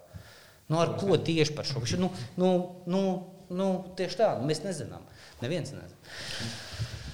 Cita lieta ir, man liekas, ir svarīgi arī, ka mēs pamostamies eh, no burbuļu mazliet. Jo mēs redzam, paši mums liekas, ka viss ir super. Mēs, Nē, eh, pakaļ. mēs zemniekus, tūlītās, eh, zemniekus izvazāsim. Nu, šis man liekas, jūs pamodināt. Bet, Bet, bet, par kultūru, piedod, es pārtraucu par to kultūru, ka tu atrāvies vēlreiz pa pakaļ. Un tu no nosaucies Un tu vēl atļaujies viņus nosaukt par zemniekiem. Tas draud, Ka tev jā. kvalifikācijas ciklā ir pēdējā vieta, un tev jā. ir bijusi viena uzvara. Bet tu vēl atļaujies. Tas, Tas- liecina par to, kur mēs vispār esam ar to spēlētāju. Nu, bet zini, kā apziņu. Kamon, Freimis vienmēr ir bijis emocionāls. Un viņi, nu, pēc tādas spēles, nu, sanāca Edgar, tas nav frēmis. Mēs visi tā Jā, mēs domājam. visi tā visi domājam. arī šeit, mēs tā arī tagad domājam, un no tā ir jātiek vaļā. Bet es tur jau tā lieta, ka mēs esam burbulī. Un uh, savukārt, uh, paskatoties uh, kādam citam, liekas, ko viņi vispār var domāt. Viņi no kvalifikācijas cikla sākuma ir bijuši pēdējā vietā tajā grupā. Jā. Bet viņi paši domā, ka nu, neiespējami, ka viņi nebrauks uz čempionātu. Nu, saprast, ka tā iespējams nav sagadīšanās, ja tu visu ciklu esi nosēdējis tajā pēdējā vietā. Tas jau, ok, mēs te smējamies varbūt par futbolistiem, kuriem liekas uz papīra, nu mēs pa visām šīm komandām esam spēcīgāki kopā. Nu, jau, ņemot, nu, ja? jau tā vairs nedomāju. Jā, vairāk jau. Točni vairs nedomā. Tādā ziņā visskumjākais bija saņemt līdzjūtību no Latvijas Futbola Federācijas pēc, pēc šī zaudējuma. Welcome to the club. Mēs jūs saprotam, mēs zinām, kāds ir. 12 vilki tagad. Tas ir trakākais. Nu, un kas vēl viena lieta man šķiet, ka nevajadzētu padarīt to ārzemju treneru atrašanu nu, par, par ļoti pašmērķīgu un tikai, o, tas būs ārzemnieks. Nē, nē, uzreiz protams. viss, Taisnība, uh, taisnība, jā. kārtībā. piekrītu, jā. Nē, nu, to mēs runājam, kad ir tie sliktie piemēri, ka tam vajag būt tā kā loģiskam. Tad, protams, jā. Nu, un tad uh, mazliet vēl noslēdzot, protams, super liela tēma par, uh, par jaunatnes basketbolu, kas, kas vairs nav mums tā, ka visas komandas ir H divīzijā un mēs spēlējam uh, U19 pasaules kausos. Nu, tagad labi, ka Latgalē uztaisīsim vienu. Tad, Bet starp citu par to tiešām ir ļoti labi, tāpēc, ka, tāpēc, ka tā ir laba paudze ļoti. Un uh, iepriekšējās paudzes, kura nebija tik laba, tad šai labajai paudzei vienīgais būtu B divīzija Eiropas čempionātā. Jo tā tiešām esot tur, kur talantīga paudze, tad paldies Dievam, viņi varēs uzspēlēt uz lielākas skatuves. Tas ir tiešām forši. Jā, un, un noslēdzot, nu, come on. Tātad mēs esam uh, komanda, kas ir uh, savā grupā visu ciklu bijusi pēdējā vietā, ar sešām komandām uh, augstākajā divīzijā. Nu, kāda mēs vispār uh, esam basketbola valsts? Nu, tās ir tās lietas, ko mēs ļoti kā tu teici, ļoti ātri esam pazaudējuši. Bija komanda, nav komandas. Nu. Nu, esam, esam basketbola valsts. Vienkārši tie izlašu rezultāti ir sagrīļojušies. Bet tas nemaina kopumā ne mūsu masveidību, ne to, ka Latvija visos laikos ir mācējusi spēlēt basketbolu no 30. un 50. dominējām. Vienmēr gan vīrieši, gan sievietes Latvijā ir mācējuši spēlēt basketbolu. To nevajag aizmirst. Nu, vienkārši nu, šobrīd. Daudzu mūsu aprakstītu faktoru dēļ mēs nebūsim Eiropas čempionātā. Par to, jā, par to ir jāuztraucās. Bet, nu, mēs esam basketbola valsts, protams. Tik ātri to nevar sagraut, protams. Bet te redzēji, tas eh, arī, ko tu teici par jauniešiem. Nu, šis ir tāds uh, trikīgs moments. Uh, liela daļa šobrīd netrenējās. Nu, faktiski lielākā daļa. Nu, ir Jā, kāds, kas ārā iet kaut ko darīt. Es atkal uh, iežvadzināšu ar akmeni vējoņu kungam, kurš, uh, kad viņš kandidēja, teica, ka nu, tie mani politiskie sakari tā kā te varētu palīdzēt. Kad es viņu intervēju, un pēc tam vēl aizkadrā runāju prioritāro sporta veidu noteikšanu, kāda ir basketbola savienības pozīcija, kādas, tu, kur tie tavi sakari. Nav viņš tur no malas, ai, kur mēs tur, tur jau vispār tikai tur kādam ņems kaut ko nost. Tagad trenējas visi ārā. Pie kā ir būtis, kad basketbola savienība ir rakstījusi kādu oficiālu vēstuli, uh, bazūnais. Nē, to dara kaut kāda aktīvista. Nē, tas ir treneris Mārcis Līdzīgs. Nē, un tas attiecas uz visu basketbalu sabiedrību, arī uz izlases līderiem. Viņi ir kaut kā akcentējuši šo problēmu. Interesējušies, vai finansiāli nevajag palīdzēt jaunatnes treneriem, tomēr daudz tur atļauties. Galven, atkal galvenā treneru figūra Štelmachers nāca ar kaut kādu iniciatīvu uzstādījumu, ka tā kā Sandrs Prūsis, ka mums vajag starta estagādu, bobslēgs mm -hmm. mirst. Nē, nu, viss tādā ir kā ir un, un ar visu samierinās. Un tas visvairāk uz Vējona attiecas. Ja viņš ir bijis 12 gadus ministrs un no 4 gadus valsts prezidents, kaut kāda sakara ir. Tu neko nevari sabīdīt. Nu, nu, es piekrītu, ka var nevarēt sabīdīt šajos laikos, ja? bet ka tu ne, vismaz neradi publiski iespēju, ka tu tur ej un sities pa tiem gaitiņiem. Nu, tad, viņš ir, tad kas ir tie viņa plusi? Bet tā ir LBS intelektuālā kapacitāte. Tu jau nebūsi jau tā, ka Štelmachers pats tagad pacels karogu un ies to darīt. Tur tomēr jābūt gan organizētam. Tā ir stāsts par kultūru. Ja mums būtu šī kultūra, Tas būtu pilnīgi normāli, ka treneris iet. Un tas būtu daudz labāk nekā taisīt video WhatsApp Bulgārijā. Tur jau tā lieta, ka tajā laikā tika taisīts tas video, kamēr video WhatsApp Krišāna Kariņa rekords. Tieši tā, jā. Cik tā rekordēja sen puiši trenējās sniegā. Nu, piemēram. Nu. Enough of that shit. Jā, jā. jā starp citu, jā. Tā kā mums ir jā, jānoslēdz, kad vēl baigi aicinājāmies. Kaut ko šādu līdzīgu noteikti VF podkāstā mēģināsim atkārtot, kur ir vairāk ne tikai intervija, bet kā, nu, šī bija tāda diskusija, varētu teikt. Un, jā, enough of this shit un mūsu zem Latviju. Paldies, ka atnācāt. Tiekamies!